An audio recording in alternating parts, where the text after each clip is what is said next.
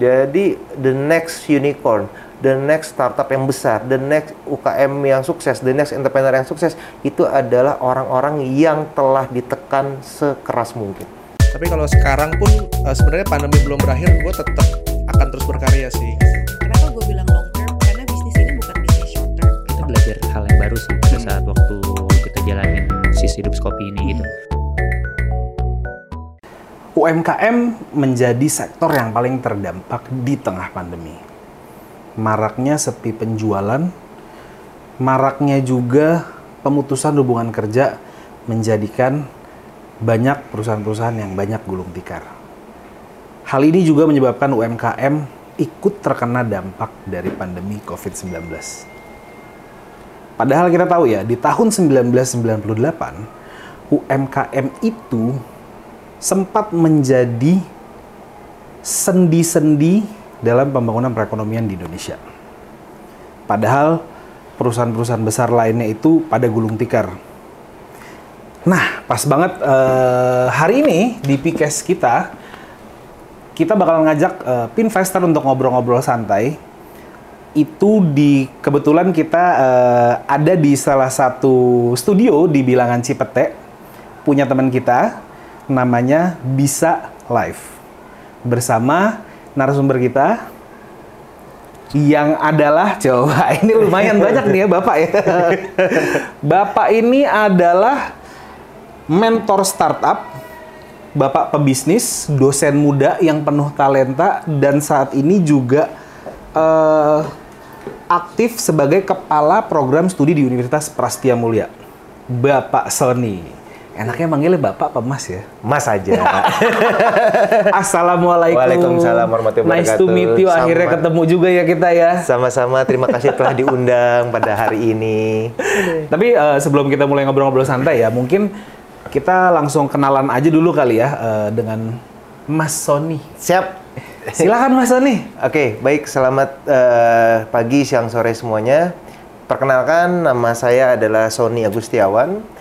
Saya dipercaya untuk diskusi pada siang eh, sore hari ini gitu ya. Jadi eh, perkenalan sedikit tentang saya. Saya adalah salah satu dosen di Universitas Prastia Mulia, jurusan S1 Bisnis. Dan kebetulan sekarang saya juga dipercaya eh, periode kedua sebagai manajer program di jurusan S1 Bisnis.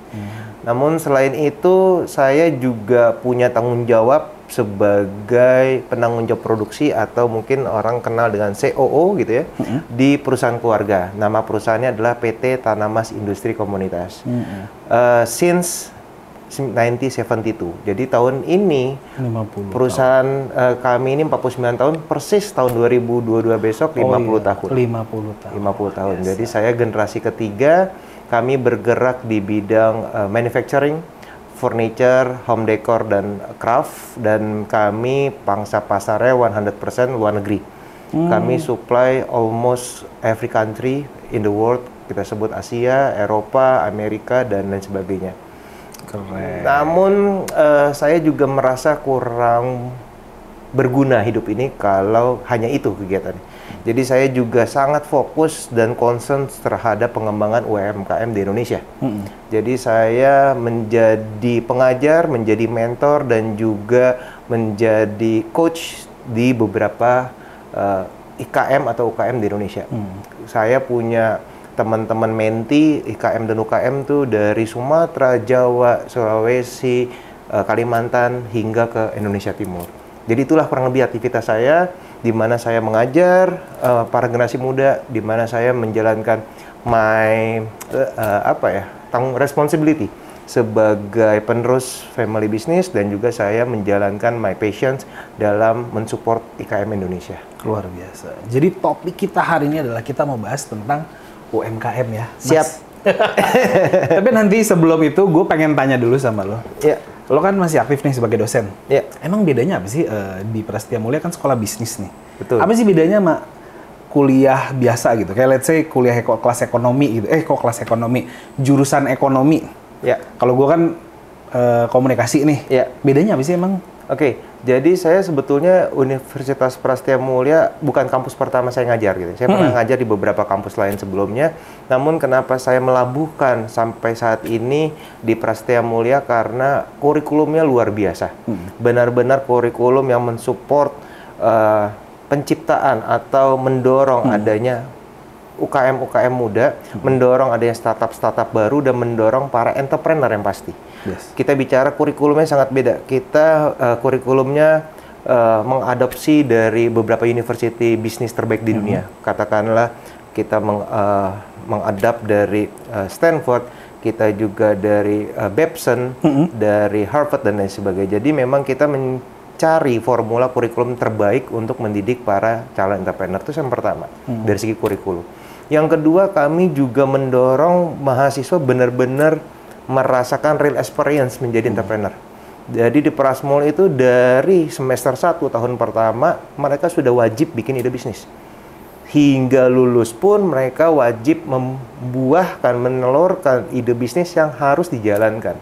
Wih, Jadi katakanlah kita per tahun itu Mas eh, Prasetya Mulia menelurkan tidak tidak kurang dari 100 ide bisnis every year.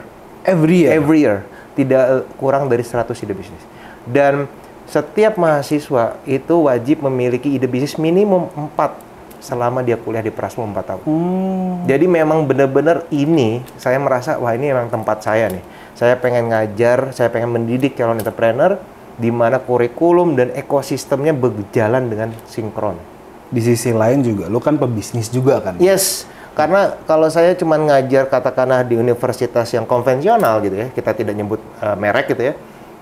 Saya hanya ngajar teori. Sedangkan teori itu akan tidak terupdate dengan kondisi di lapangan masing-masing negara. Hmm. Katakanlah teorinya dari Amerika gitu ya. Belum tentu teori tersebut bisa Pas. langsung digunakan dan relevan di Indonesia itu bisa. Gitu. Jadi emang ada adjustment. Adjustment ini bisa didapatkan ketika mahasiswa membaca teori dan mengimplementasikan. So they know how to use these tools, this theory in Indonesia konteks, in fashion industry konteks, in craft konteks, in F&B konteks gitu. Jadi sangat benar-benar adapt with kondisi di eh, tempat mahasiswa itu berada.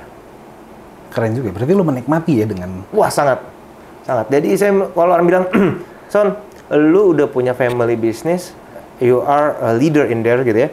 Kenapa sih masih sibuk ngajar, Heeh. sibuk bantuin UKM? Karena gue merasa kok ada yang kurang nih. ada yang kurang. Kok gue merasa nggak berkontribusi sih gitu. Kayaknya gue merasa ya manusia itu memang uang nggak mungkin dipungkiri orang butuh uang. Tapi ada hal lain yang nggak gue dapetin gitu. Ketika uang gue banyak dan gue me- tidak mendapatkan kenyamanan, ada yang salah. Gue merasa salah nih hidup gue. Jadi ketika gue ngajar, gue melihat mahasiswa itu dapat ilmu, mereka mengimplementasikan ilmu. Gue bantuin UKM, UKM itu diskusi dan mereka jadi maju, mahasiswa bikin bisnis. Gue merasa yes, gue berguna. Ini hati gue di sini nih ya. Yes, Sony Agustiawan memberikan eh, makna untuk hidup orang lain. Itu yang menurut gue nggak akan terbayarkan. Wih, luar biasa. Tapi gue penasaran deh, serunya jadi dosen tuh apa sih? Gue kalau gue inget ya zaman gue kuliah dulu nih ya, Pinvestor adalah gue itu sering banget bercandain dosen gue. Kan? Iya, iya. Sekarang gue berhadapan dengan salah satu dosen. gue boleh pengen salim pak, salim dulu pak. ah, serunya, serunya deh, serunya jadi dosen tuh apa sih? Lo ada cerita-cerita menarik nggak? Yang pasti kalau jadi dosen lu nggak akan pernah merasa tua. Yang pertama itu, Ah, Oke. karena lu akan ketemu setiap tahun anak muda baru. Dan setiap ketemu anak muda baru, lu merasa bagian dari mereka. Jadi ketika umur kita bertambah, tapi my life is not bertambah juga gitu. Karena gue berinteraksi dengan anak-anak muda terus. Iya. Update my knowledge juga selalu terdepan. Karena gue dapat informasi dari anak-anak muda. Setuju sih. Kemudian yang kedua, gue tahu pergaulan mereka, gue bisa bahasa mereka, jadi gue bisa hidup di mana pun dan gue merasa I'm young in everywhere. lo tipikal dosen yang di kampus tuh lo tipikalnya yang model kayak gimana yang kayak kan gue dulu ada tuh ya kalau gue di kampus ada dosen yang asik banget, Ya. ada dosen yang killer banget gitu kan gitu. Lu termasuk yang mana? Nah, ini gue bingung gue jawabnya. Karena gini, ke- ketika gue ngobrol sama siswa mahasiswi, ketika orang nanya ke mahasiswa mahasiswi gue, eh Pak Sony itu gimana? Rata-rata kalau dibikin survei Sony itu adalah dosen yang killer. Gue sangat galak, gue sangat tegas, gue sangat disiplin, gue sangat eh, menuntut Oke. gitu ya. Jadi itu persepsi yang sekilas kalau bicara tentang Sony di kampus. Tapi while mereka gua ajar, gua bimbing, sebagian besar ketemu 2-3 tahun lagi ketika mereka lulus, mereka bilang, "Pak, alhamdulillah gua ketemu lu waktu kuliah." Lu memberikan gua bekal sehingga ketika gua kerja, gua tahu apa yang diminta oleh bos gua. Ketika gua bikin bisnis, gua tahu kerasnya bisnis itu seperti apa. Jadi mungkin mereka ketika gua berikan insight atau gua berikan eh, tekanan atau challenge, mereka merasa ini beban. Tapi ketika mereka bisa melewati proses itu, baru mereka akan mendapatkan hikmahnya. Iya, mereka terbiasa di Drill. Yes, yes.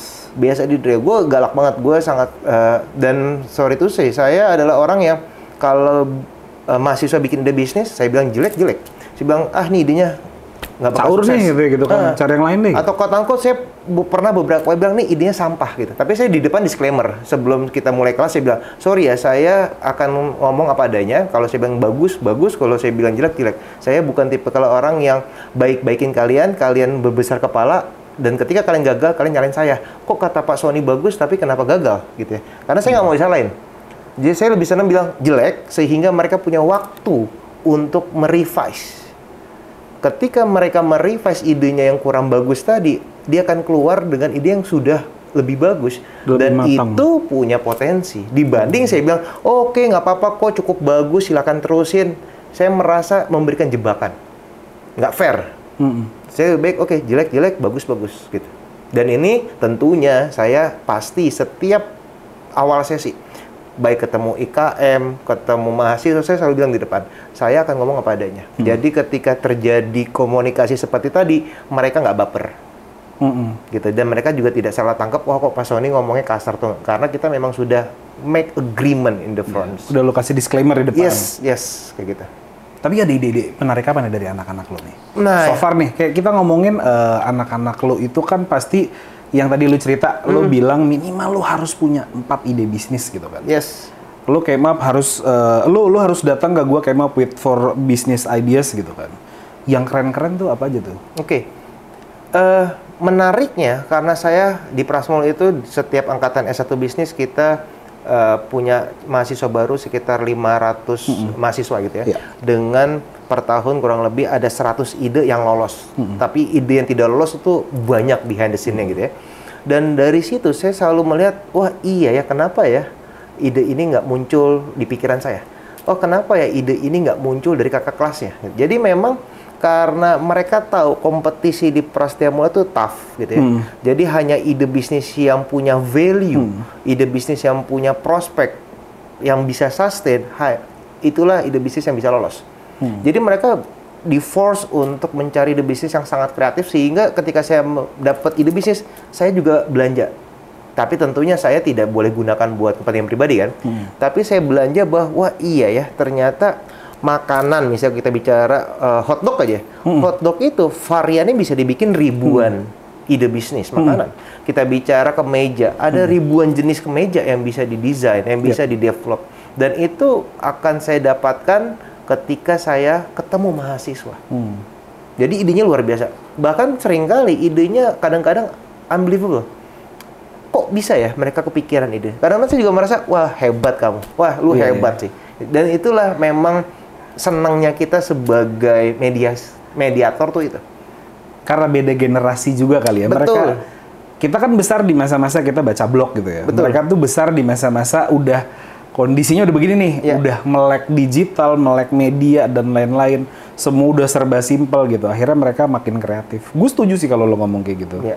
Bisa jadi dengan tindakan lo nge-push mereka, mereka tuh bisa jadi bibit-bibit unicorn di Indonesia. Ya itu pasti. biasa. Karena gue punya satu hal sebenarnya poin penting. Mm-mm.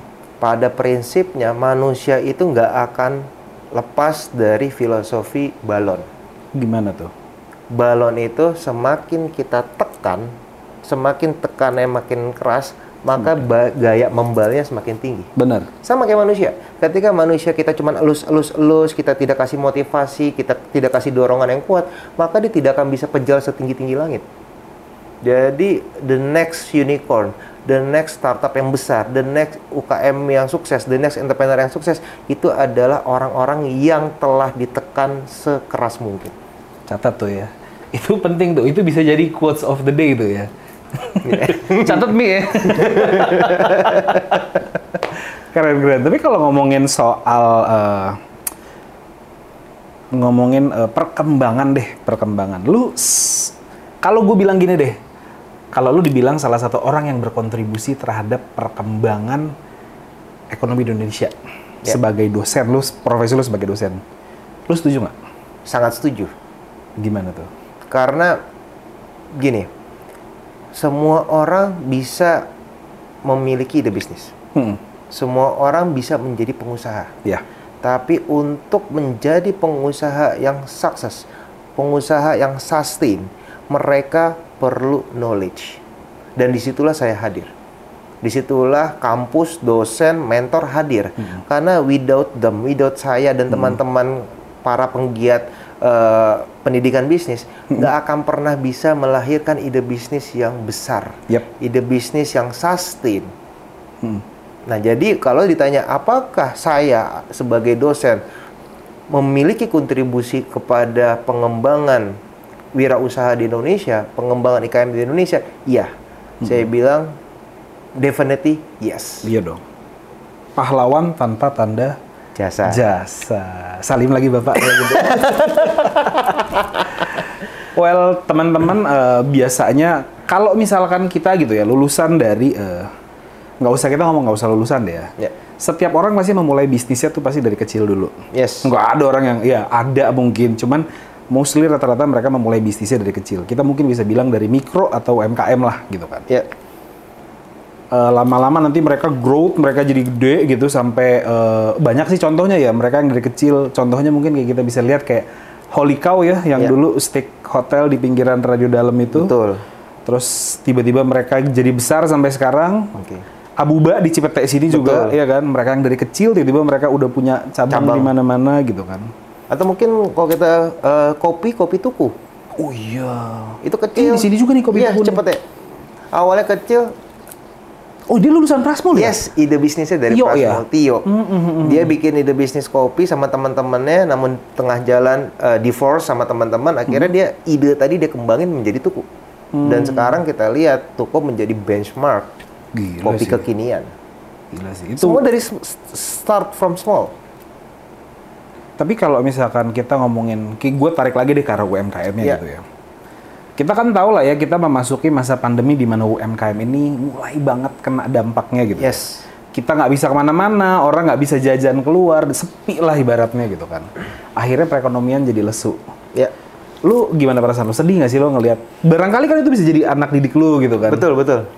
Nah, eh inilah mental.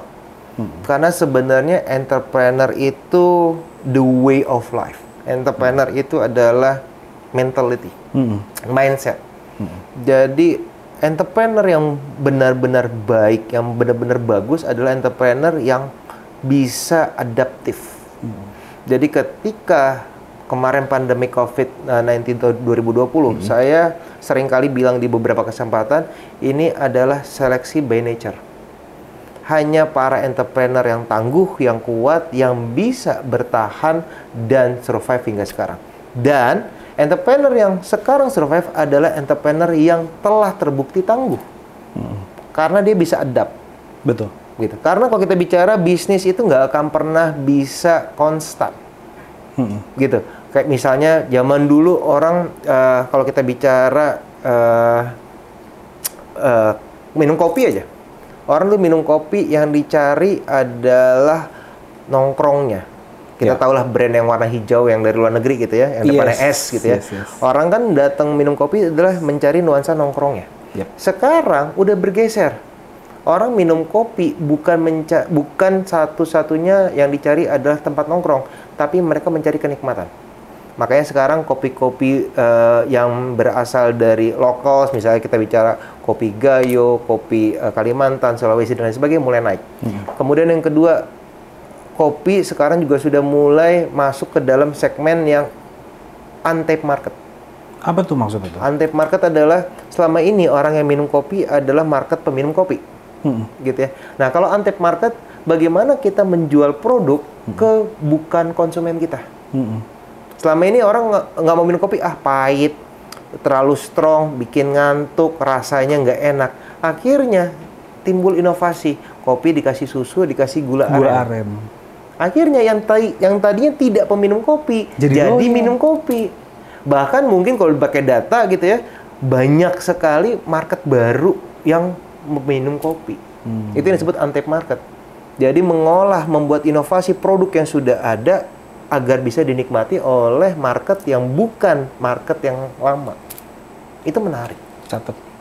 Harus dicatat investor. Gue juga sendiri manggut-manggut dengerin nih. Baik Pak dosen. Seneng ya kita godain Pak dosen. Aduh. Hai anak-anak Prasmul, ini dosen kamu lagi kita bercandain nih, boleh ya? Oke oke, tapi eh, gue sebetulnya ada satu pertanyaan tadi yang gue miss ya gitu. Ya. Eh, bukan miss sih, maksudnya lupa gue tanyain sebetulnya. Ini eh, lo kan masih aktif nih sampai saat ini nih ya, Ya. di Prasmul ngajar gitu kan. Artinya berarti program agendanya juga masih jalan dong, agenda eh, belajarnya juga masih berjalan dong. Ya. Nah kan di masa disruptif ini nih ya, itu dari anak-anak lo tuh ada ide-ide apa tuh yang keren-keren tuh? Oke, eh, yang pastinya mahasiswa Prasmul ini sekarang banyak melakukan inovasi dalam hal pemasaran, Hmm, gitu. Jadi pemasaran selama ini mereka eh, punya ide marketing 60% offline, 40% online. mm-mm. Online-nya pun masih online yang umum lah, masukin iklan, kemudian eh, eh, search engine dan lain sebagainya. Tapi dengan adanya pandemi COVID-19 kemarin, bisnis modelnya berubah kayak gimana sih? karena market offline sedang terbatas Sesu- gitu ya, ada ppkm psbb dan lain sebagainya akhirnya mereka switch mereka mencoba memikirkan bagaimana menjual online dengan efektif contohnya kemarin ada anak prasmul yang jualan melalui tiktok waktu dulu tiktok itu bukan tempat jualan tapi anak prasmul mendobrak dia jualan di tiktok eh, alat makeup dan bisnisnya dia dapatin sekitar ratusan juta dalam waktu beberapa hari saja. Itu adalah inovasi yang benar-benar gila. Dia melihat, wah orang main TikTok. Tapi selama ini TikTok itu untuk lucu-lucuan. Joget-jogetan. Joget-jogetan gitu ya. Dan dia bikin, eh, dia analisa gitu. Karena anak Prasmo selalu dididik untuk melakukan analisis dalam pengambilan keputusan. Dia lihat, ini yang nonton banyak. Dan banyak yang eh, follower sangat aktif. Orang ini joget, diikutin gitu. Berarti dia melihat engagementnya tinggi nih. Akhirnya dia mintalah si konten TikTok untuk menggunakan produknya. Akhirnya apa? Viewer TikTok si konten tadi ikutan semua beli produk makeupnya. Hmm. Dan itu saya pun kaget, wah keren, gila sih idenya. Bisa juga ya, ternyata begitu ya. Bener-bener ternyata nggak kepikiran gua TikTok bisa jadi tempat jualan. Tapi ke sini-sininya kalau gue ngeliat juga TikTok tuh udah sarana orang jadi bikin konten tau bro. Ya, tapi sekarang 2021 Itu udah mau berubah tahun ya. berapa tuh? Dua ri- eh, ketika Maret 2020. Belum ada yang main bisnis di TikTok. Jarang sih bro tahun itu sih bro. Iya, orang masih hype dengan TikTok sebagai tempat untuk buang waktu. Iya. Itulah inovasi yang Tempat buat- paling kelihatan. Ih gile. Gitu. Nggak ada lagi yang lain. Yang keren-keren Nah, keren-keren. yang yang keren-keren yang kedua, kemudian supply chain-nya juga berubah. Mm-mm. Selama ini dia meng- menggunakan supply chain yang quote unquote manual gitu ya. Eh, dia beli bahan baku, kemudian dia proses produksi dan dia jual ke konsumen. Itu adalah konvensional supply chain ya. Kalau sekarang dia menggunakan cloud. Jadi dia bisa dapat supplier vendor dari mana pun. Kemudian dia taruh hub di beberapa titik kota untuk mengejar agar ongkirnya menjadi murah. Hmm. Jadi banyak ide bisnis yang bahkan si pebisnisnya nggak megang barang ya. Dia create idea, dia eh, cari vendor, dia set up design, set up eh, quality, dia set up uh, everything sampai vendornya sudah siap, akhirnya dia jualkan. Hmm. Ketika produk itu laku, nggak dikirim ke dia lagi. Dari vendor langsung dikirim ke hubnya, misalnya katakanlah Jogja gitu ya. Dari Jogja itu langsung dikirim ke daerah distribusi Jogja. Jadi supply chain-nya berubah dengan teknologi. Dulu kita mencari tenun, kita harus ke NTT, kita harus ke NTB. Hmm. Sekarang anak-anak Prasmol bisa bikin produk yang mengangkat kearifan lokal gitu ya, ngangkat tenun, ngangkat segala macam. Padahal mereka nggak pernah ke NTB, padahal mereka nggak pernah ke NTT. Ini nggak akan pernah terjadi kalau nggak ada pandemi. Iya, pandemi itu sebetulnya memaksa kita juga tahu. Itu yang penting. Iya, iya. Justru memforce tadi kan. Iya. Inline ya berarti sama yang tadi Inline, bilang. inline karena ketika gue membuat suatu apa ya analogi itu berha- berasal dari beberapa fenomena-fenomena yang terjadi, Hmm. gitu. Di satu sisi kita juga kalau kita berada di posisi paling bawah, kita nggak ada celah lagi selain kita harus ngeliat ke atas gitu. Betul, Makanya kita dipaksa untuk eh kita nggak bisa nih kalau kita di sini doang gitu. Betul. Do something lah mesti ngapain gitu. Yes. Bill tetap jalan, tagihan tetap jalan. Nggak mungkin dong kalau kita makan makan batu. ya agree, kan? agree. Itu baru bicara dari segi eh, inovasi pemasaran, Hmm. inovasi operation banyak lagi. Ada yang inovasi di dalam financial, keuangan, ada yang inovasi dalam hal S- eh, SDM. Hmm. Banyak sekali inovasi-inovasi. Ih, keren. Jadi yang bisa bertahan di setiap kondisi, kita bicara kita pernah mengalami krisis moneter 98. Kita bicara sekarang pandemi COVID-19. Hanya bisnis-bisnis yang bisa adapt, yang bisa disrupt sesuatu, disrupt sistem operation ya, disrupt sistem pemasaran, keuangan, strateginya, dia disrupt itu dengan sesuatu hal yang inovatif, maka dia bisa sustain. Only that the apa ya, the Mental. formula. Formulanya only itu. Yang penting mental lo kuat. ya. Mental harus kuat. Makanya gue bilang tadi, entrepreneur itu adalah mental dan mindset Setuju yang akan menjadikan seorang eh, seorang itu lifestyle Setuju, setuju gue soal itu. gitu. Iya ya, setuju kalau gue kalau lo ngomongin soal mental itu harus kuat gitu ya. Cuman eh, kalau kita balikin, gue balikin lagi ya ke UMKM gitu ya, yang Ya. sedang terpuruk saat ini gitu ya. Eh, mental mungkin mereka kuat gitu ya, cuman mungkin mereka tidak memiliki capital yang cukup atau apa gitu ya. Ya, Kan sempat ada tuh yang namanya stimulus eh, ekonomi dari pemerintah. betul. Menurut lo itu efektif nggak sih? Oke, eh gue berbicara dari kacamata yang cukup objektif sebagai pemerhati ya. Ya. Kalau kita bilang oh eh, efektif, pastinya apa pun yang namanya stimulus itu pasti efektif. Kita bicara eh, stimulus pajak, kemudian stimulus apa namanya peminjaman uang atau soft loan atau hard loan dan lain sebagainya. Semua stimulus pasti memberikan efek. Pasti. Namun masalahnya apakah IKM Indonesia benar-benar eh, memanfaatkan stimulus itu dengan tepat atau enggak? Hmm. Karena gini, banyak orang yang mau ngasih uang misalnya. Kita bicara sekarang ada angel investor, ada pemerintah, ada perbankan dan lain sebagainya, ada BUMN yang mau ngeluarin CSR. Tapi kalau UKM-nya nggak punya bisnis model, nggak punya bagus. vision jangka panjang, nggak tahu uang ini mau diapain, percuma. Iya benar sih. Jadi stimulus itu harusnya tidak berhenti sampai di stimulus, menurut saya. Dari Jadi- diri orang masing-masingnya juga harus. Yes, perlu ada pendampingan atau pembekalan kepada para UKM agar bisa memanfaatkan stimulus yang ada menjadi optimum hasilnya. Betul, betul. Kayak gini deh, kita ketemu orang di pinggir jalan entah berantah gitu siapa, eh ini saya punya uang 1 juta nih buat kamu. Apakah dia bisa memanfaatkan itu? Belum tentu Hmm. gitu. Terkadang ada yang dapat uang satu juta, dia bisa punya omset 10 tahun kemudian satu miliar. Ada, Ada. ada. Ada juga yang satu juta habis dalam waktu 2-3 hari bisa. Misalnya dia beli rumah foya-foya, dia judi, dia apa habis bisa saja.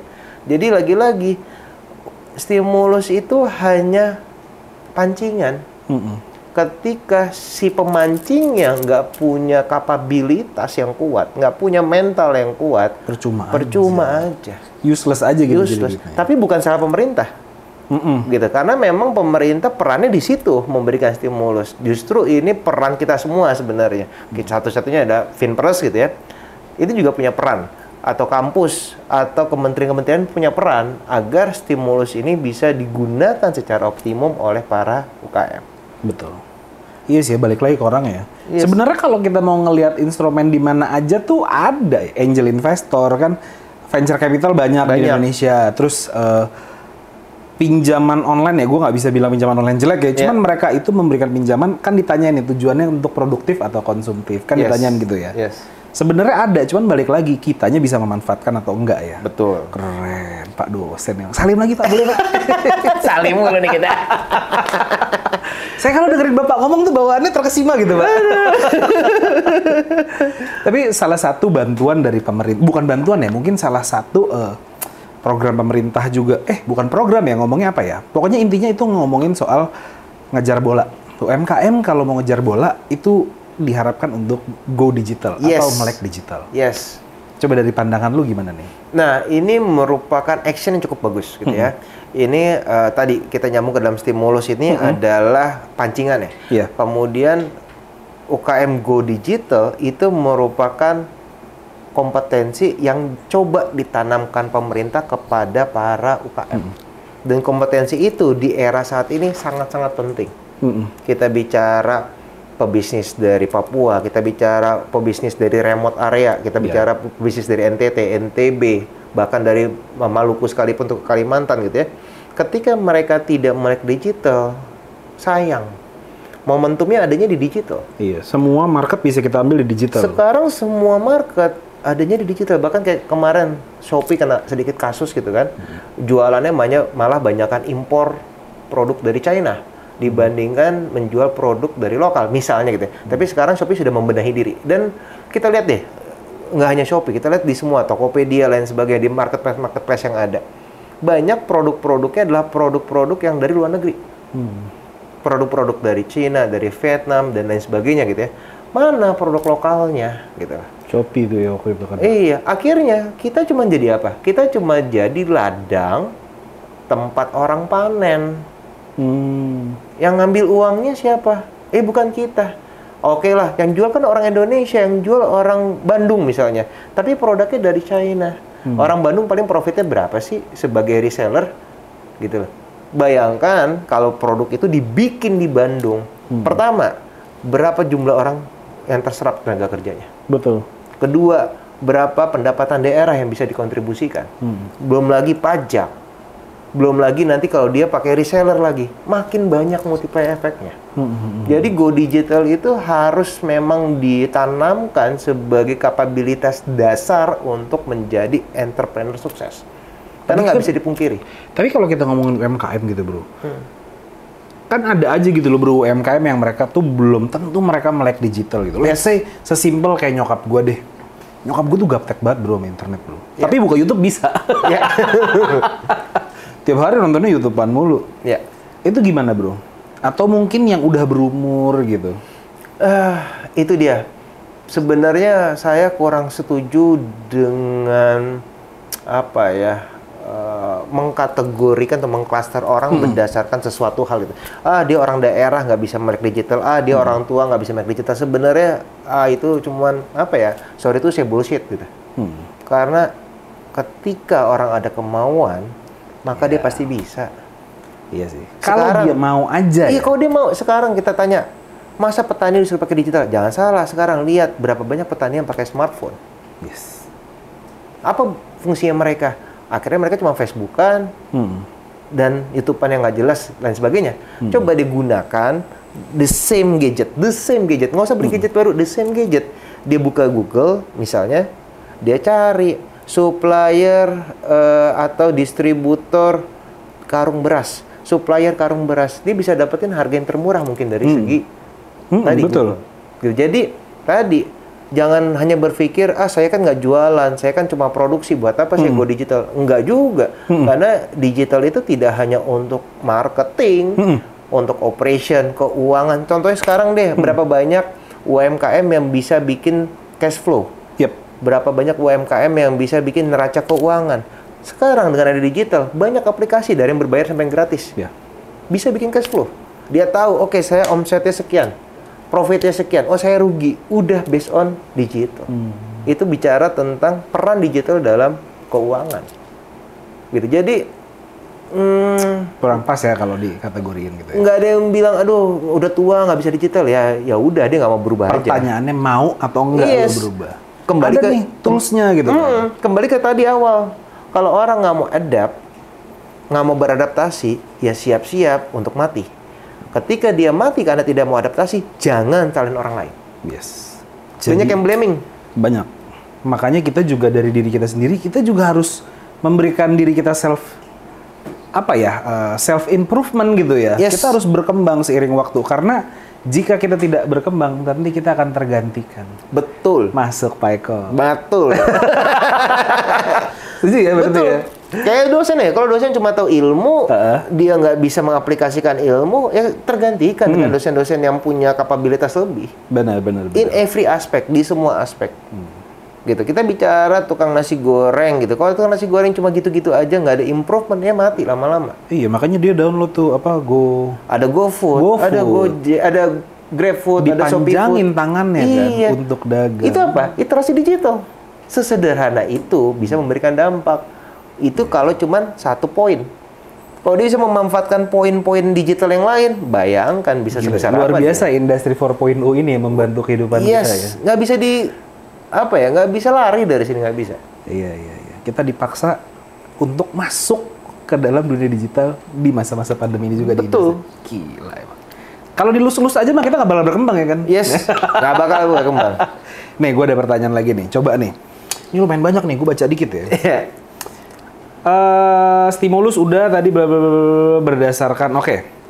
Menurut Mas dosen dalam bisnis itu bener nggak sih mindset paling utama?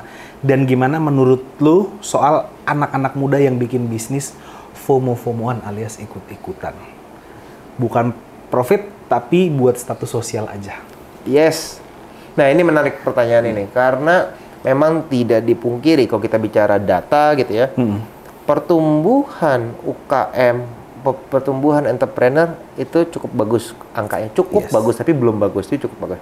Tapi kita juga sedih ngeliat data itu. Banyak juga perusahaan yang tutup di waktu yang bersamaan. Banyak UKM, entrepreneur yang bankrupt di waktu yang bersamaan. Jadi bertumbuhnya banyak, bankruptnya juga banyak. Kenapa? Satu alasan yang terkuat adalah dia tidak membuat produk yang punya value Yes. gitu. Misalnya kita lihatlah Indonesia sangat konsumtif. Dulu zamannya es kepal Milo, semua orang bikin, sekarang semua orang bangkrut. Iya. Mana ada sekarang es kepal Milo nyari? Nggak ada ya. Susah. Dulu banyak. Sempet pada masa Sempet masa itu. Kemudian dulu zamannya semua green tea, kue cubit green tea, ini green tea, itu Sekarang green tea. hilang. Sekarang hilang. Kenapa? Karena hanya ngikuti tren. Nggak ada value yang benar-benar kuat. Wah ini bisnis sustain, ini bisnis dibutuhkan. Jadi kalau kita mau bikin bisnis tuh kembali ke konsumen. Use your customers use Iya. gitu. Karena kalau kita lihat happening boba, ikutan boba, pasti sebentar lagi mati. Ketika ada minuman yang baru, boba tergantikan, maka semua pebisnis boba yang nggak punya value kuat, bye-bye. Jadi kita harus lihat dulu bikin bisnis based on kacamata konsumen. Konsumen butuhnya apa? Apa yang mereka cari dalam kehidupan ini? Apa yang mereka cari dalam makan? Apa yang mereka cari dalam minum? Apa yang mereka cari dalam berpakaian? Dalam menggunakan furniture? Kita cari apa needs-nya konsumen. Kemudian yang kedua, kita cari apa keluhan konsumen terhadap produk yang sudah ada saat ini.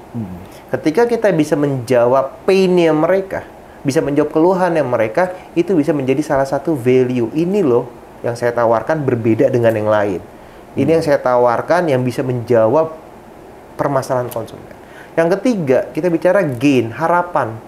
Produk yang sekarang sudah oke, tapi enak kali ya kalau ada produk yang bisa titik-titik. Enak kali ya kalau ada produk yang plus ini. Coba ada produk yang bisa. Nah, kita bicara gain yang sudah ada konsumen punya harapan tapi belum dijawab oleh produk yang sudah ada, itu kita bisa masuk lagi.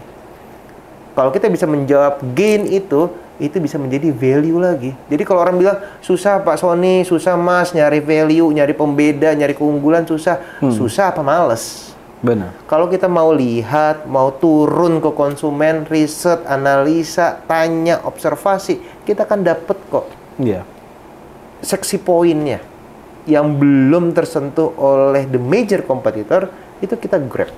Dan lu bisa masuk dari situ. Lu masuk dari situ, bisnis tuh bisa uh, ada peluang sustain dibanding lu cuma ngikutin tren yang pasti sustainability-nya jelek. Gitu. Jadi kalau uh, saran saya teman buat uh, para uh, yang suka bikin bisnis ikut-ikutan tren, wah bikin butik ikutan bikin butik, tapi ditanya apa sih value butik lo, apa pembeda, apa keunikan butik lo, nggak ada, sama aja. Ya udah, tinggal tunggu waktu pasti mati. Jadi buang-buang duit aja kalau kayak gitu ya. Bukan buang duit lagi, bakar duit. gitu. Ada lagi nih. Berdasarkan data BPS, Yes. kontribusi UMKM di Indonesia sangat besar dan menyumbang sebesar 60% dari total PB, PDB Indonesia. Ya. Nah, tapi fakta di lapangan, sebenarnya industri UMKM itu kayak gimana bro yang punya presentasi besar? Oke, sebenarnya kalau kita melihat eh, kontribusi UMKM di Indonesia memang cukup besar gitu ya. Tapi kalau kita bisa eh, apa namanya kerucutkan lagi, kita lihat UMKM yang paling berkontribusi sebenarnya tidak bisa dipungkiri adalah eh, F&B, food and beverage. Dari yang skala eh, middle up, middle sampai middle. Karena esensinya seluruh orang di dunia butuh makan, butuh minum. Dan orang Indonesia suka mencoba sesuatu hal yang unik. Orang Indonesia suka jajan. Jadi bikin F&B di Indonesia sangat berpotensi. Gitu ya. Tapi lagi-lagi F&B-nya F&B seperti apa? Apakah mau yang ikut-ikutan atau F&B yang punya value? Gitu. Itu yang pertama. Bisnis yang kedua yang sustain dan memberikan kontribusi terbesar di Indonesia adalah fashion. Kenapa fashion? Karena orang Indonesia itu secara culture, secara eh, behavior suka terlihat titik-titik. Terlihat cantik, terlihat kurus, terlihat Centil lah ya begini. ceritanya. Sangat peduli dengan penilaian orang. Gitu. Beda sama negara-negara lain yang sifatnya individualistis, nggak peduli sama orang lain secara tampilan gitu ya. Indonesia enggak. Orang Indonesia tuh sangat pengen terlihat sesuatu gitu ya. Semakin itu eh, makin kental budaya itu, maka budaya fashion atau eh, bisnis fashion makin berpotensi. Kita bisa bicara eh, baju, kemeja, celana, Sepatu. sepatu, tas, aksesoris, eh, anting, eh, bandu dan lain sebagainya. Itu akan sangat terus tumbuh, tumbuh dan tumbuh karena permintaannya banyak. Simbol kekayaan soalnya, Pak. Hmm, bagi beberapa orang, bagi beberapa orang gitu ya. Kayak orang mungkin simbol kekayaannya naik naik Mercedes Benz, naik Alphard. Kalau gue sih enggak, gue gue naik motor ke sini. Sama, Pak. Bagi gue itu gimmick lah. Iya, iya. Itu gimmick. Sesuatu hal yang mungkin agar terlihat tapi sebenarnya ada hal yang harus dilihat lebih jauh. Kekayaan hati dan kekayaan mental. Benar. Itu yang kedua tadi ya, kalau kita tadi kembali ke F&B, fashion. Dan yang ketiga yang menarik adalah produk craft atau kriya. Wah itu seksi banget. Ya. Indonesia punya kekayaan luar biasa. Kita punya kekayaan alam. Kita punya bahan baku yang melimpah. Kemudian yang ke- bahan baku kalau disebutin bahan baku hutan, ada buah dari hutan, ada daun dari hutan. Nggak harus batangnya kita ambil. Kita punya laut yang segitu luasnya, kekayaan lautnya belum teroptimalkan gitu ya. Kemudian kita bicara keanekaragaman budaya. Setiap kota, setiap desa, setiap wilayah punya story, punya fairy tale, punya eh, kerajinan tangan. Itu menjadi potensi. Kenapa? Karena ketika kita bisa meng- eh, membuat produk kriya, produk kerajinan tangan yang memiliki nilai-nilai, nilai budaya, nilai leluhur, maka nilai jual produk tersebut akan naik Iya. harganya. Bahan bakunya mungkin kita misalnya kita bikin eh, tenun aja ya. Bahan baku kainnya berapa sih sebenarnya gitu. Bayar SDM-nya berapa sih? Tapi yang dinilai dari harga tenun bukan biaya SDM, bukan biaya bahan baku, tapi nilai budayanya yang kita beli. Jadi memang Indonesia kuat di situ. Orang luar negeri melihat itu sebagai emas jangka panjang Indonesia yang belum ter apa ya tergunakan dengan baik sampai saat ini. Masih belum. Jadi menurut saya tiga poin itu. Kalau mau teman-teman mau bikin bisnis eh, ke apa entrepreneur gitu ya, F&B yang punya value, fashion yang bisa sesuai dengan eh, kebutuhan si marketnya, kemudian kriya atau craft yang bisa mengangkat nilai-nilai luhur, nilai budaya dan lain sebagainya. Itu tiga bisnis potensi ke depan dan kontributor terbanyak di bisnis UKM Indonesia. Luar biasa. Lo tapi masih aktif ya sebagai mentor startup juga sampai Oh, sekarang? sangat, sangat masih aktif. Gue sampai saat ini kurang lebih yang resmi gue pegang itu sekitar ada tiga dua, eh, ada enam, ada enam, Eh, enam yang yang masih aktif gitu ya. Kalau yang pasif totalnya sekitar ada 25-an. Itu biasanya kalau lo mentoring gitu tuh, itu apa aja sih yang lo coaching tuh? Nah ini menarik nih. Jadi gue tuh kadang-kadang suka sedih gitu ya ngelihat teman-teman uh, UKM. Aduh, lo punya desain keren, lo punya ide keren, tapi kenapa marketingnya kayak gitu sih? Gitu. Atau uh, produknya keren, bisnisnya punya prospek, tapi kenapa proses produksinya masih gitu sih? Atau kadang-kadang kita tanya lah ke teman-teman UKM, berapa omset, berapa profit per bulan? Mereka nggak bisa jawab secara benar gitu ya. Mereka cuma bilang, ya kira-kira sekian, ya lumayan lah bisa buat anak sekolah, ya lumayan bisa buat makan. No, no, no, bisnis nggak kayak gitu. Harus bisa kehitung apakah yang kita lakukan memberikan dampak yang signifikan nggak untuk bisnis itu sendiri.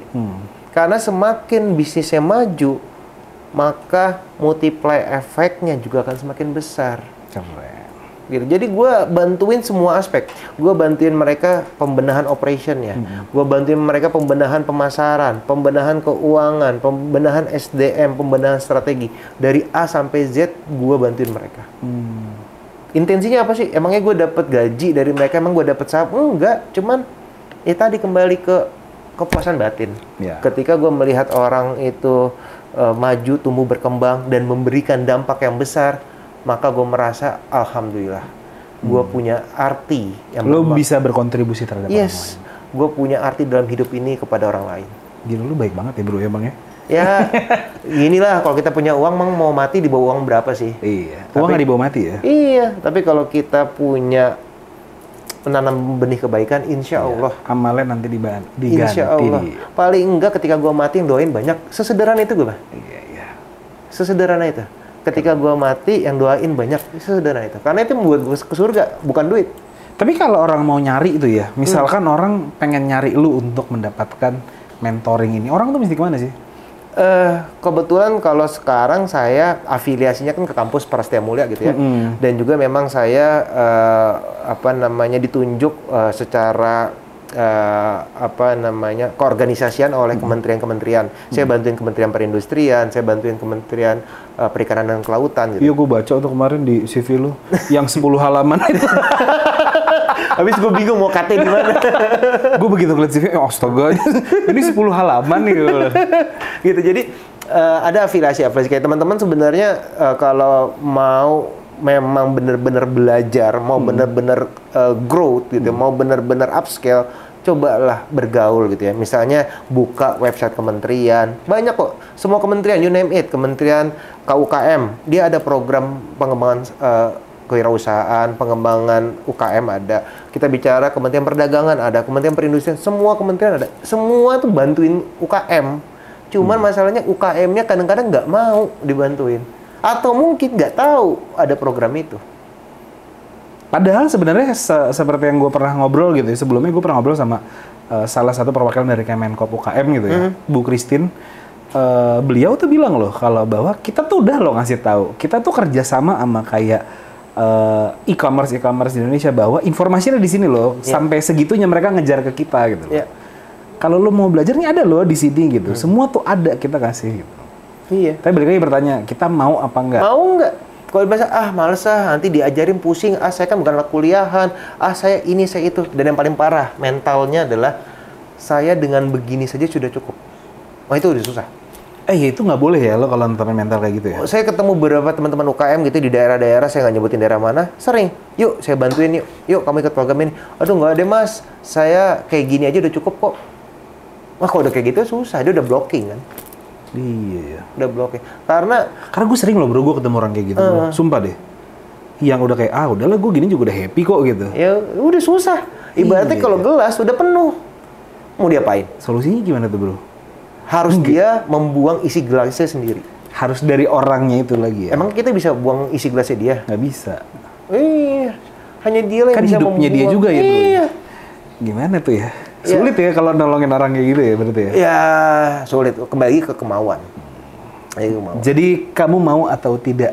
Nah iya, jangan pernah merasa gelas kita penuh. Karena ketika kita merasa gelas kita penuh, kita nggak nggak akan pernah punya ruang untuk mengisi sesuatu yang baru. Nah, ini kayaknya pas banget ini. Gil, kayak pas banget buat teman kita ya Gil ya. Aduh. Pengen ketawa. Oke, lanjut. Lo in the next five years, Yes. in the next five years, eh, si startup ini bakalan kayak gimana sih menurut lo? Hmm, oke. Kali aja kita bisa dapat bocoran, ada yang bisa kita kulik gitu. Oke, Eh, kita bicara startup tuh ada du- ada eh, beberapa kategori gitu. ya. Ada startup yang digital, startup non non digital itulah eh, yang terbesar dua eh, pembagian gitu ya. Kalau startup digital saya yakin akan sangat-sangat berkembang gitu ya karena satu lulusan eh, atau anak-anak muda sekarang mereka sudah well educated. Kemudian mereka sudah mel, sudah melek digital, mereka sudah eh, bisa benchmarking ke berbagai macam eh, b- eh, negara di belahan dunia ini gitu ya. Sehingga saya yakin akan banyak startup-startup digital yang menjamur ke depan Amin. gitu. Cuman memang dalam lima tahun pasti akan ada beberapa unicorn-unicorn baru, tapi akan banyak startup digital yang akan tumbang pasti. Tadi lagi-lagi dia kuat nggak? Apa yang dia tawarkan ke masyarakat benar-benar eh, produk atau service yang dibutuhkan nggak gitu. Itu yang startup digital. Kalau yang startup non non digital itu sih bakal booming Indonesia. Karena kalau kita ngeliat effort dari kita eh, dunia kampus mendorong luar biasa, pemerintah mendorong luar biasa dan berbagai tangan yang lain ada angel investor, ada eh, BUMN dan lain sebagainya semua sama-sama mendorong gitu. ya. Bahkan kan waktu itu Pak Jokowi sempat punya program 1000 startup. 1000 gitu ya. startup. Yes, kalau itu diteruskan, itu akan melahirkan paling nggak 10% aja yang sukses, itu udah gede banget untuk Indonesia. Gitu. Kalau program itu gimana tuh bro menurut sekarang bro? Terus terang saya nggak begitu mendengar ya, beda sama ketika dulu di launching pertama kali. Mungkin sekarang fokus pemerintah lebih ke arah penanganan COVID, gitu COVID, ya. ya. Jadi mungkin saya sih tidak blaming pemerintah, tapi mungkin eh, program ini harusnya tetap ter- didorong gitu. Karena eh, program Sibu Startup itu kan program yang cukup komprehensif gitu kalau saya lihat. Ada tidak hanya eh, ngasih pelatihan, tapi ada pendampingan dan lain Iya. sebagainya, ada pendanaan. Harusnya itu seperti business incubation kan, business incubation yang di-create oleh satu negara. Harusnya kalau itu didorong terus akan semakin tinggi loncatan-loncatan eh, perkembangan bisnis startup ke depan. Tapi kalau misalkan kita ngomongin field-nya ini ya, kenapa sih startup itu banyak yang field? Faktornya apa aja sih? Oke, based on data ya. Based on data. Based on data. Ada uh, survei dari 100 Forces, uh, uh, dia membuat membuat suatu survei gitu ya uh, kepada startup-startup di seluruh dunia. Survei itu mengatakan bahwa sebagian besar startup gagal karena membuat sesuatu yang tidak dibutuhkan oleh konsumen tidak diinginkan oleh konsumen. Jadi masalahnya adalah market research-nya. Kurang matang ya. Bahkan banyak startup yang nggak bikin market research. Mereka merasa, ah gue pinter, gue punya ide, bikin. Akhirnya gagal. Ada yang merasa, ah gue lulusan luar negeri, bikin, gagal. Ada, ah gue lulusan faku- eh, universitas terkenal, bikin, gagal. Gitu. Ada yang punya idealisme, oh gue kayaknya yakin deh kalau ini bakal sukses. Yakin, ya udah. Kalau modalnya yakin, yakin juga lah untuk gagal. Tapi modalnya itu bukan yakin, research. Wah, Pak So- Apa yang dibutuhkan sama Iya, jangan bilang ah Pak Sony dosen riset. No no no no. ini UKM itu merasa research itu adalah barang mewah. No. Research itu adalah filosofi dalam berbisnis. Ketika kita mau melangkah mengambil keputusan apa pun, apa pun, keputusan bikin produk, nentuin market, nentuin pricing, nentuin sistem produksi based on research. Nggak boleh pakai intuisi atau kayaknya atau menurut saya nggak bisa gitu. Jadi yang salah itu nggak ada research dia membuat sesuatu hal yang konsumen nggak mau, konsumen nggak butuh. Kita jualan deh katakanlah ini bahasa gampang ya. Saya jualan misalnya, ah saya suka jengkol misalnya, saya suka jengkol, saya bikinlah jus jengkol.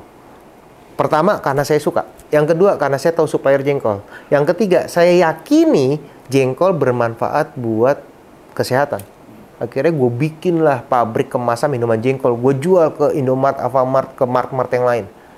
Nggak laku. Kenapa? Ya karena so tahu mulai bisnis based on Intuisi aja. udah. intuisi Jangan ya. Jadi investor jangan ya. Kalau mau bisnis usahakan research. wajib bukan usahakan wajib hukumnya Catat. Nice. wajib hukumnya Well kita eh, ke arah personal aja kali ya. siap Sekarang ya. UMKM jadi udah dicatat semuanya investor. Mudah-mudahan semua dicatat. Kalau belum nanti jangan lupa aja diulang-ulang tadi di menit keberapa saya juga lupa. Cuman ini setiap dia habis gue tanya dia jawab, gue langsung salim. Kayak. Well lo kan sekarang eh, aktif di bisnis company nih. ya. yes Generasi ke tiga tiga. Berarti itu dari awalnya dari yang lo ya. Iya, kebetul, eh, bukan kebetulan. Alhamdulillah saya diwarisi eh, legacy gitu ya dari almarhum kakek saya. Itu itu ceritanya gimana sih bro nih company-nya ini dari start dari awal? Oke, eh, Tanamas Industri Komunitas gitu. Jadi ini nama Tanamas itu adalah nama eh, marga kakek saya. Kebetulan saya orang Sumatera Barat, orang Padang gitu ya. Eh sama. Eh, Wah sama kita berarti. Sama. Nggak bisa. Udah. Nah, jadi Tanamas itu namanya dulu Taname gitu ya, eh, marga Taname. Nah, jadi kakek saya itu almarhum adalah pejuang, pejuang di Sumatera Barat zamannya pejuang kemerdekaan gitu ya. Dia eh, salah satu pimpinan di Batalion Sumatera Barat. Ya. Kemudian ketika saat itu eh, eh, perang dan lain sebagainya, dia diasingkan ke Jepang. Jadi kakek saya diasingkan ke Jepang, dia disuruh sama Jepang untuk belajar fotografi di Jepang. Kemudian di Jepang dia melihat banyak sekali produk-produk rotan. Ada kalau kita bicara nonton film-film Jepang zaman dulu tempat tidur Jepang eh, sandaran kepalanya atau bantalnya itu terbuat dari tatami Jepang gitu ya, dari eh, anyaman eh, sorry anyaman rotan atau tanah tatami rotan. Kemudian kita bicara penutup ruangan penyekat ruangannya dari rotan kemudian melihat tikernya rotan alat makannya bambu dan lain sebagainya dia melihat wah ini sih Indonesia banyak gitu. Karena kan kakek saya ketika perang mainnya di hutan dia di kali di, di eh, Sumatera Barat. Ini Indonesia banyak. Akhirnya dia ketemu sama orang Jepang situ ini kalau saya jualan kayak gini gimana caranya? Ya udah kamu bawa dari Indonesia kirim ke sini saya yang jualin. Awalnya gitu. Jadi kakek saya dulu pulang ke Indonesia ngumpulin. Ngumpulin dari berbagai macam pengrajin-pengrajin pinggir jalan, dibeli, taruh di garasi rumah, kemudian diekspor. Dan kakek saya itu adalah eksportir furniture pertama di Indonesia, dapat penghargaan dari eh, presiden saat itu, gitu ya. Jadi dia ekspor produknya, konsumennya udah ada di Jepang. Kemudian makin ke sini makin ke sini tuntutan kualitas, improvement dari segi finishing akhirnya sebelum dikirim di finishing dulu, dikasih warna, dikasih eh, pelapis dan lain sebagainya. Itu dikerjakan di garasi rumah. Nah gitu. Dan eh, ayah saya ketika itu sedang kuliah eh, semester 1 semester 2 teknik elektro. Terus dia bilang, "Bantuin saya, saya nggak punya tenaga." Akhirnya ayah saya nggak nerusin kuliah. Jadi ayah saya nggak sarjana gitu. Kemudian dia bantuin kakek berdua bantuin sampai akhirnya punya pabrik gitu ya. Kita pabrik pertama itu di Parung Bogor. Kemudian kita punya pabrik juga di Tangerang. Kemudian kita punya eh, pabrik di Cirebon satu, eh, bikin pabrik lagi Cirebon dua, Cirebon tiga gitu ya. Banyak ya bro ya berarti. Alhamdulillah cukup banyak. Kemudian kita partneran factory sama Tasik, kita partneran factory sama eh, Jepara dan lain sebagainya. Jadi begitulah. Jadi benar-benar dari 000 dan tanpa pinjaman bank saat itu. Luar biasa ya. Gimana caranya? Prinsip kakek saya adalah ketika kita nanam pohon, petik buahnya, jangan tebang pohonnya. Jadi dari hasil itu dia investasikan lagi. Jadi omset, eh, sorry, profitnya itu diputar untuk produksi, diputar buat beli mesin, diputar buat beli tanah, diputar Jadi buat lu beli upscale terus ya. upscale, upscale, upscale. Jadi jangan, nah ini nih mental sekarang nih teman-teman eh, UKM gitu ya. Ketika punya uang dikit, beli rumah. Ketika punya rumah dikit, beli mobil. Mobil udah ada, ganti lagi. Dia pengen, ini kan hasil saya, pengen dong nikmatin. Boleh, nikmatin nggak ada yang larang. Cuman ya bisnis tuh gitu-gitu aja. Gitu. Sampai sekarang didikan kakek saya, makanya tuh saya ke mana-mana, mayority saya naik motor. Seandainya lu mau berkorban sedikit aja, gue yakin aset lu juga bro. Betul. Bukan nggak bukan karena gua nggak bisa beli mobil, gue punya mobil. Bukan gua nggak bisa menikmati kemewahan, gue mau, gue bisa kalau mau. Masalahnya gue nggak diajarin gitu. Iya. Diajarin di- hidup sederhana sehingga apa yang lo punya bisa lo kembangin lagi. Gitu.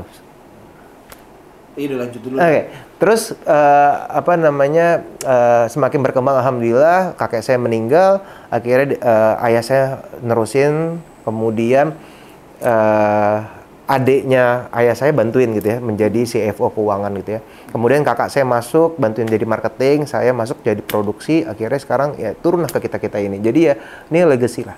Dari cuma Jepang yang dari garasi rumah sekarang sudah around the world sebutin misalnya kayak contoh ini bukan sorry bukannya saya sombong ya Eh, saya pernah suplai ke IKEA saya pernah suplai ke Walmart ke Target ke GCP ini you name it eh, toko-toko furniture di dunia kita supply Gitu. jadi kalau ngeliat ke IKEA ini kan barang gue gitu loh jadi ya itu start small bigger bigger bigger and bigger Gila. Orari berarti nih. Orari apa? apa tuh Orang rich ya. enggak juga dosen Karyawan ada berapa jadi total semua? Oke, eh, kita di top list pernah sampai karyawan itu sebentar, gue sampai lupa. Satu pa- satu pabrik sekitar 200-an. Sekarang lu punya ada Sekarang Cirebon, kita yang Cirebon, Tangerang, Parung. Parung, kemudian ada joint company Tasik sama Jepara, Satu company ada dua. sekitar 200-an. Itu the the highest moment kita pernah. Gila lu berarti juga menyerap dari apa ya pekerja juga ya. Itu dia kenapa kontribusinya cukup lumayan ya. itu dia kenapa gua mau turun ke UKM karena didikan keluarga gua lu harus berkontribusi Eh, lu duit berarti udah banyak ya? Lu ngapain jadi dosen bro? receh aja gitu loh, ya nggak sih? Setuju gak sih? Receh aja gitu loh. Maksud gua ngapain gitu loh jadi dosen? Nah ini pertanyaan sulit nih gue setiap setiap ngomong sama orang setiap diskusi ujungnya tuh lari ke situ gue bingung jawabnya apa kenapa kenapa? jawab ini nanti disangka sombong jawab itu Oke, oke. Gue Eh, pengen dengar honest review dari lo. Kenapa? oke gini ketika eh, Kok honest review ya? Honest answer. An- Oke, ketika kita uh, mengumpulkan uang gitu ya, nggak akan pernah ada habisnya sih, nggak akan pernah ada cukupnya gitu. Kita punya 10 juta, 100 juta, 1 M, 2 M, nggak akan pernah cukup gitu ya. Kalau pernah, kalau orang cukup, Afi Rahmat mungkin nggak akan syuting lagi. Iya. Kalau orang ada puasnya, orang nggak ada puasnya. Terus gue merasa uang kalau ngumpulin uang sebanyak banyaknya, apa itu yang membuat orang itu tenang dalam hidup? Apa itu yang membuat orang bahagia dalam hidup? Enggak ternyata. Gue pernah, gue pernah ketika kuliah S1 lulus menikmati kehidupan, iya, you name it lah. Apa ke- kehidupan anak muda yang punya duit, gue lakuin gitu ya. You name it gitu. Cuman gue merasa eh, gini doang gitu. Abis misalnya kota dugem, gini doang gitu. Kayaknya ah kok nggak ada artinya, nggak ada nggak berbekas. Terus gue menemukan titik eh, ketika gue S2, kebet- terus terang momen gue shift itu S2. S2 gue kan strategi manajemen gitu ya. Gue diajarin sama uh, orang-orang hebat strategi manajemen Indonesia dari Harvard juga gitu ya. Gue diajarin bagaimana suatu strategi yang benar bisa merubah negara. Gitu. Jadi dari situlah gue mikir ketika lulus, gue kebetulan lulusan uh, angkatan pertama, batch pertama dan lulusan pertama juga gitu. Di Indonesia di UI saat itu. gue merasa ah gue punya knowledge gue punya ide-ide strategi kenapa nggak gue share? gitu. Akhirnya gue mencoba lah bakti sama negara gitu ya gue coba bakti ke negara gue coba masuk ke eh, politik gitu ya. Karena menurut gue eh, dengan strategi yang saya punya saya bisa berguna untuk negara sehingga negara ini menjadi maju. This is the idealism gitu ya. Kemudian ketika saya masuk politik setahun dua tahun saya merasa wah kalau kayak gini terus bahaya sih. Saya kayaknya nggak akan pernah bisa berkontribusi banyak di negara. Dengan sistem politik saat itu saya merasa yang ada bukan saya membenari negara malah saya bisa jadi salah satu orang yang merusak negara. Saya takut gitu. wah ini berbeda banget sama ajaran keluarga saya gitu. Akhirnya saya mencoba memilih mundur dari politik. Tapi bingung lagi nih ngapain nih gue gitu ya? Saya punya kemampuan, alhamdulillah dikasih Tuhan kesempatan buat belajar, dikasih kapabilitas, alhamdulillah banget, dikasih didikan yang cukup bagus dari orang tua gitu ya, dari keluarga besar. Apa ya yang saya lakukan? Iya, itu kayaknya lu punya sesuatu pengen lu muntahin tapi lu nggak tahu mau muntahin ke mana gitu. Gue sih bikin YouTube ya. gue bingung mau, mau ngapain nih gue gitu kan. Apa yang harus gue lakukan nih? Tapi gue pengen berbuat buat negara. Akhirnya gue mutusin untuk ngajar dan dapet tawaran dari eh, pembimbing. Pembimbing S2 so mau coba ngajar nggak? Yuk coba ngajar. Ngajar sekali hari pertama gue ngajar deg-degannya setengah mati. Persiapannya dua minggu masuk kelas keringat dingin stres banget gitu ya. Tapi ketika gue keluar dari kelas saat itu juga gue merasa wah anjrit enak banget. Iya, enak ya. Wah gila, abis ngelepas sesuatu yang lu tahan, ketika lu keluarin, wah itu Di rasa, saat lo memiliki wadah untuk lo sharing wah itu, sih itu kenikmatan tak tertandingi. Keluar gue dapet tanda tangan kan, biasalah kayak gue itu masih jadi dosen uh, apa dosen tamu, dapat tanda tangan, dapat honor. Gue sampai nggak lihat nilainya berapa, masukin kantong udah. Dan itu lo happy banget. itu udah happy banget. Wah gila gue ngajar enak banget gitu loh. Jadi gue, wah ini nih, ini adalah tempat gue untuk menanam amal baik. Akhirnya gue terusin, gue terusin dan alhamdulillah gue di usia yang cukup muda saat itu gue sekitar umur 2 26, 27, 28 sekitar itu gue udah dipercaya jadi pimpinan di salah satu perguruan tinggi di Indonesia. Gue jadi kepala program studi di situ. Ini yang sekarang ini. ya. Bukan, Oh, tempat iya. yang Oh, lain. yang sebelumnya. Yang sebelumnya. Habis Ini banyak. habis itu gue pindah ke tem- eh, diminta bantuin kampus lain, mereka butuh bantuan, gue support. Alhamdulillah gue dipercaya dikasih posisi lagi gitu. Jadi direktur salah satu program gitu ya. Terus terakhir sampai eh, beberapa ber- pindah-pindah-pindah sekarang udah lama di Prasetya Mulia dan dipercaya jadi kepala pro- eh, manajer program S1 bisnis dua periode ini. Ya tadi bener-bener cuman karena ya pengen bener-bener berbakti merasa diri ini bermakna untuk orang lain. Gue kalau masih minta salim lagi basi. salim dulu. Pak. Oke, lanjut ya nih yang ke kakek lo gitu. Ya, Kakek lu ini kan tadi ngajarin lu untuk upscale bisnis lu kayak.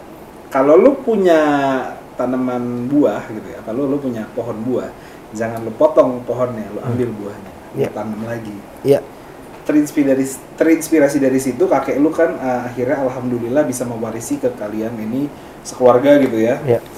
Eh, dari sisi lu sendiri lu ada nggak terinspirasi banget gitu dari kakek lu dan lu melakukan sesuatu investasi yang sama gitu kakek lu yang berujung jadi aset kah atau apa? Oke, eh gini, ketika perusahaannya eh, levelnya masih kecil, mungkin investasi berupa material tuh terlihat gitu ya, nambah tanah, nambah bangunan itu akan terlihat. Kemudian dipegang sama bokap, alhamdulillah bokap itu investasi terbesar dari bokap adalah expand market. Ya, jadi bokap itu adalah yang membawa tanah emas ini menjadi benderanya besar banget gitu. Jadi bokap the hero of the marketing itu bokap gitu ya. Nah, terus gue ngeliat mana? Wah, aset alhamdulillah kayak di Cirebon gitu ya. ah, tanah udah beberapa hektar dan masih banyak tanah yang belum dibangun. Nah, by the way, saya enam bulan terakhir lagi bangun pabrik lagi nih di Cirebon. Pabrik kit- kita, sebut integrated company. Saya desain pabriknya, saya coba gabungkan beberapa pabrik itu yang esensial eh, proses saya pindahkan ke satu pabrik. Namanya pabrik eh, apa integrated company. Insya Allah nanti Januari kita eh, eh, peresmian gitu ya, Januari 2022. Nah, jadi saya lihat apalagi ya gitu tanah udah banyak saya kalau mau invest tanah lagi ya menggarami lautan nggak begitu kelihatan gitu ya kemudian kalau market bokap tuh udah almost every country in the world bokap udah masukin gitu. Terus apa yang bisa gue perbuat? Nah ini yang gue perbuat adalah yang pertama yang menurut saya paling eh, berdampak ah, insya Allah gitu ya, adalah saya bikin sistem. Karena bayangin kakek saya tentara ayah saya adalah eh, orang yang tidak lulus lulus kuliah. Jadi secara manajemen dilakukan secara tradisional. Otodidak mungkin Bapak. Otodidak pembukuan masih manual saat itu. Kemudian kita punya beberapa supplier pencatatannya masih manual, sistem produksi, sistem quality control, sistem line produksi, scheduling, pemilihan bahan baku masih manual. Apakah itu jelek? Enggak, itu bagus. Buktinya bisa membawa tanaman sampai saat ini gitu. Itu nggak salah. Cuman saya lihat kalau begini terus energi yang keluar capek. capek banget Betul. Akhirnya saya bikin sistem. Saya bikin sistem SOP. Saya bikin sistem untuk eh, apa namanya? relax and relaxation Yes. Kemudian saya bikin scheduling untuk productions. Kemudian saya bikin sistem untuk eh, quality control dan lain sebagainya. Satu sistem yang saya investasikan. Dan alhamdulillah karena saya bikin sistem, saya bisa di sini. jadi bisa remote Yes. Kalau saya nggak ada sistem, saya nggak mungkin di sini. Segampang Udah itu. di Cirebon gitu. Di Cirebon. atau mungkin di Parung atau mungkin di Tangerang. iya iya iya, iya. Sesimpel itu. Kalau saya nggak punya sistem, saya mana bisa ngajar? Saya mana bisa menjadi eh, eh, manajer program di Prasmul? Kan saya eh, sebagai peninjau produksi, saya pasti di pabrik. ibarat lo kayak masinis nih kok masinis yang ngendalin kereta tuh apa sih ngendalin kapal tuh apa sih Eh, nakoda. nakoda. ibarat lo nakoda ya kan ini lo udah autopilot ya kan Iya. di atasnya ada helipad tuh terbang lagi ya kan Iya. untuk ngendalin kapal yang kedua Kapal yang Luar lain. biasa bapak dosen. Jadi mungkin itu investasinya mungkin orang lihat kecil, tapi sebenarnya dampaknya multiply banget. Itu yang pertama gitu ya, sistem.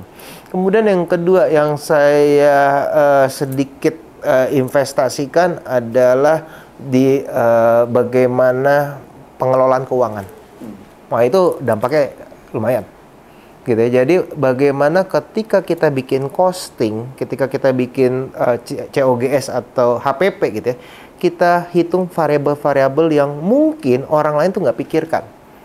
Biaya R&D, biaya tentang eh, reject atau biaya claim. Saya masukkan ke dalam variabel costing.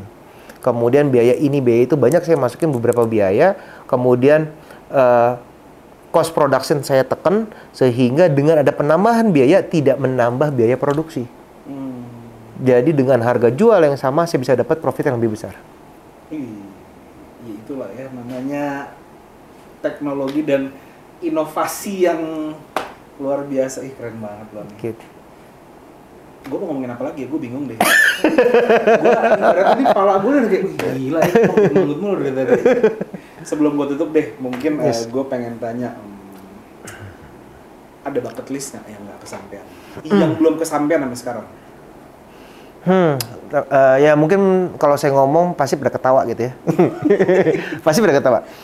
Eh, terus terang saya punya mimpi yang belum kecapaian hingga saat ini dan belum menemukan pet ke sana yaitu saya ingin jadi presiden Republik Indonesia. amin amin ya Amin, amin. gue aminin lo ya gua Amin, aminin, amin, amin. semua orang bisa menjadi siapa pun Amin. Tahu kenapa? kenapa Gua nggak peduli tentang perpolitikan, tentang apa tentang behind the scene of jadi presiden, bicara tentang apa nggak nggak, gua nggak peduli. Yang gue peduli kan gue pengen membawa negara ini menjadi pemain aktif di kontestasi bisnis dunia. amin Itu yang gue mau. Karena kalau gue cuma jadi dosen, gue cuma jadi eh, apa namanya mentor UKM, energi gue hanya bisa sampai ke berapa orang. Tapi kalau gue jadi presiden, gue pengen energi gue terdampak ke se- semakin banyak orang. Itu yang pertama bucket list jadi presiden. Bucket list yang kedua, hmm, gue pengen sebenarnya gitu ya, gue pengen banget bikin eh, universitas gue pengen gue bikin pengen bikin uh, institusi pendidikan universitas khususnya untuk uh, pelaku-pelaku uh, family business di bidang eh, furniture, Kria dan Carve. Jadi gini, kita lihat yang udah dijurukan ke situ ya. kita lihat banyak sekali pemain furniture, craft dan Kria di Indonesia. Tapi sebagian besar orang-orang tua.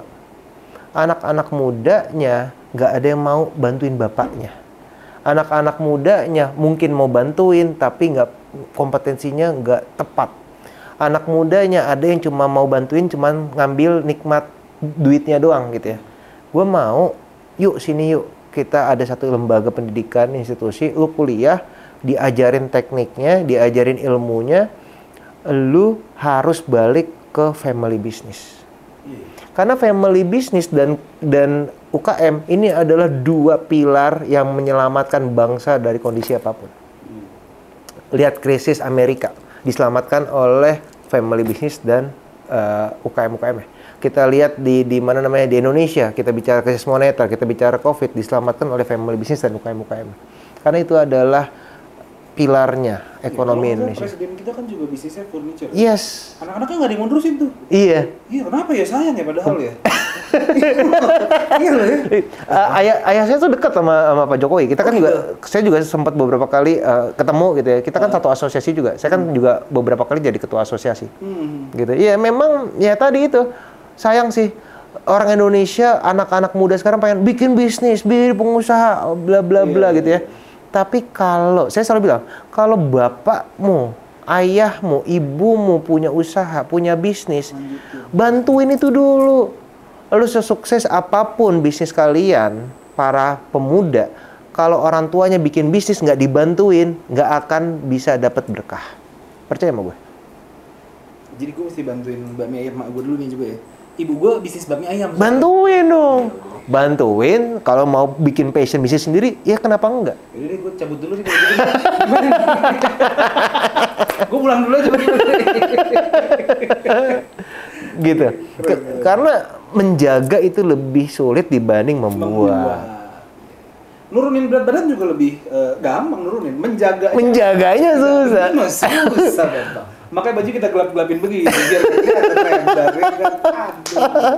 Terakhir gimana Gil? Dan ini, dan satu lagi, gini, eh, saya ada pesan gitu ya ke semua eh, audience gitu ya. Please use Indonesian produk. Karena kalau bukan kita yang menggunakan produk UKM, bukan kita yang memakan makanan UKM, siapa lagi? Ya, jangan sampai kita bangga menggunakan produk-produk luar negeri, tapi dampak ke orang Indonesia-nya nggak ada. Buat apa lu bangga gitu? Misalnya saya bukannya eh, gimana gimana ya, saya selalu support gitu. Ini contohnya nih jam jam kayu keren nggak bro? Keren. Ini buatan Indonesia. Indonesia. Ini menti gue gitu. ya. Kacamata gue kayu, sepatu gue buatan Indonesia. Almost my outfit Indonesia. Ini baju gue, gue nggak Gatot kaca. Gue nggak make Zara, gue nggak make Eigner. What for? Gue lebih bangga dengan ini. Gue buka dulu kali baju gue ya. gue nih. Gitu. Tapi tapi baju lo keren Gatot Kaca. Gitu loh. satu yang penggemar Pandawa 5. Oke. Lanjut lanjut lanjut. Iya menarik kan maksud gue. Iya. You have every story in Indonesia lo. Ini juga baju ada value-nya nih kalau gue bilang. Iya. Apa tuh value-nya? Iya, kan baju lo Gatot Kaca. Gatot Kaca kan terkenal dengan itu Gatot Kaca tuh anaknya Bima ceritanya, Yes. ya kan? Yang eh, Bone of Iron Ya. eh, apa ya? Gue tau dari Mobile Legends sih. Bone of Iron, eh, Muscle of Iron, Bone of Steel. Iya. Itu Gatot Kaca. Bisa terbang bro. Mhm. Dulu zaman dia lahir pakai pisau dipotong tali busurnya nggak bisa. Mhm. Pakai tutupnya baru bisa. Hmm. Terus tutupnya masuk ya kan. Pas di perang Baratayuda, wah udah tuh shoo. Tut pedangnya nyari tutupnya. Hmm. Gatot kacanya spoiler dong nih. Iya Gatot kacanya intinya mati pada saat di perang Pandawa 5. Yes. Kalau dikejar sama situnya. Ah, hafal gue bro, bapak gue cerita mulu zaman gue kecil. Intinya apa? Es- uh, filosofi dari Gatot Kaca. Filosofi dari gua kalau filosofi dari Gatot kaca gue kan tahu. Cuman kalau dari Pandawa 5-nya gue tahu. Oke. Filosofi yang paling sederhana, mungkin filosofi banyak banget ya. Gue bukan orang yang ahli dalam pewayangan, tapi filosofi yang gue lihat dari Gatot Kaca adalah harus menjadi orang yang tangguh. Yes. Kalau kita bicara UKM, lu semua untuk menjadi UKM yang sukses harus tangguh. Kalau lu nggak tangguh, lu nggak akan bisa jadi Gatot Kaca. Bener ya? Benar. Yes. Thank you banget lo ya. Sama-sama. Pak dosen. Sama-sama. Terima kasih banyak. Mudah-mudahan sukses. Amin, lancar amin, amin. Bisnisnya lancar Amin. juga di kuliahnya. Eh, kuliahnya lancar juga ngajarnya. Amin. Sehat selalu. Kalau gitu eh, kita tutup aja kali ya. Jangan lupa di likes, di subscribe, di share dan di komen biar kita bisa sama-sama belajar. Ya Pak De ya. Betul. Oh ya, nggak, eh, kita juga bakalan eh, mengadakan giveaway sebuah sneakers keren dari Ardiles dan juga kita bakalan bagi-bagi GoPay. Nanti detailsnya akan ada di Instagram Pinfest, kalian bisa cek. Ada juga nanti kita taruh di deskripsi. Kalau gitu kita langsung undur diri aja ya. Siap. Gua Ingga Putra, Saya Sonia Gustiawan. sampai jumpa di Pikes selanjutnya. Bye-bye. Bye-bye.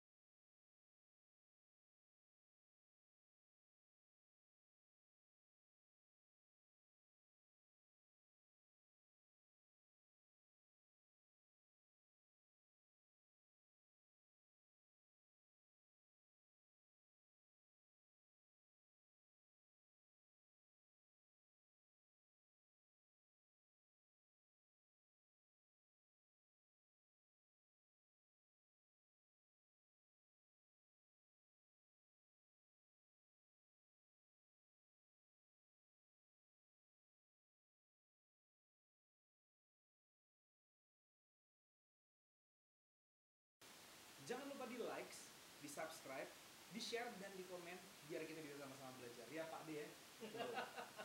oh ya, s- eh, kita juga bakalan eh, mengadakan giveaway sebuah sneakers keren dari Ardiles dan juga kita bakalan bagi-bagi GoPay.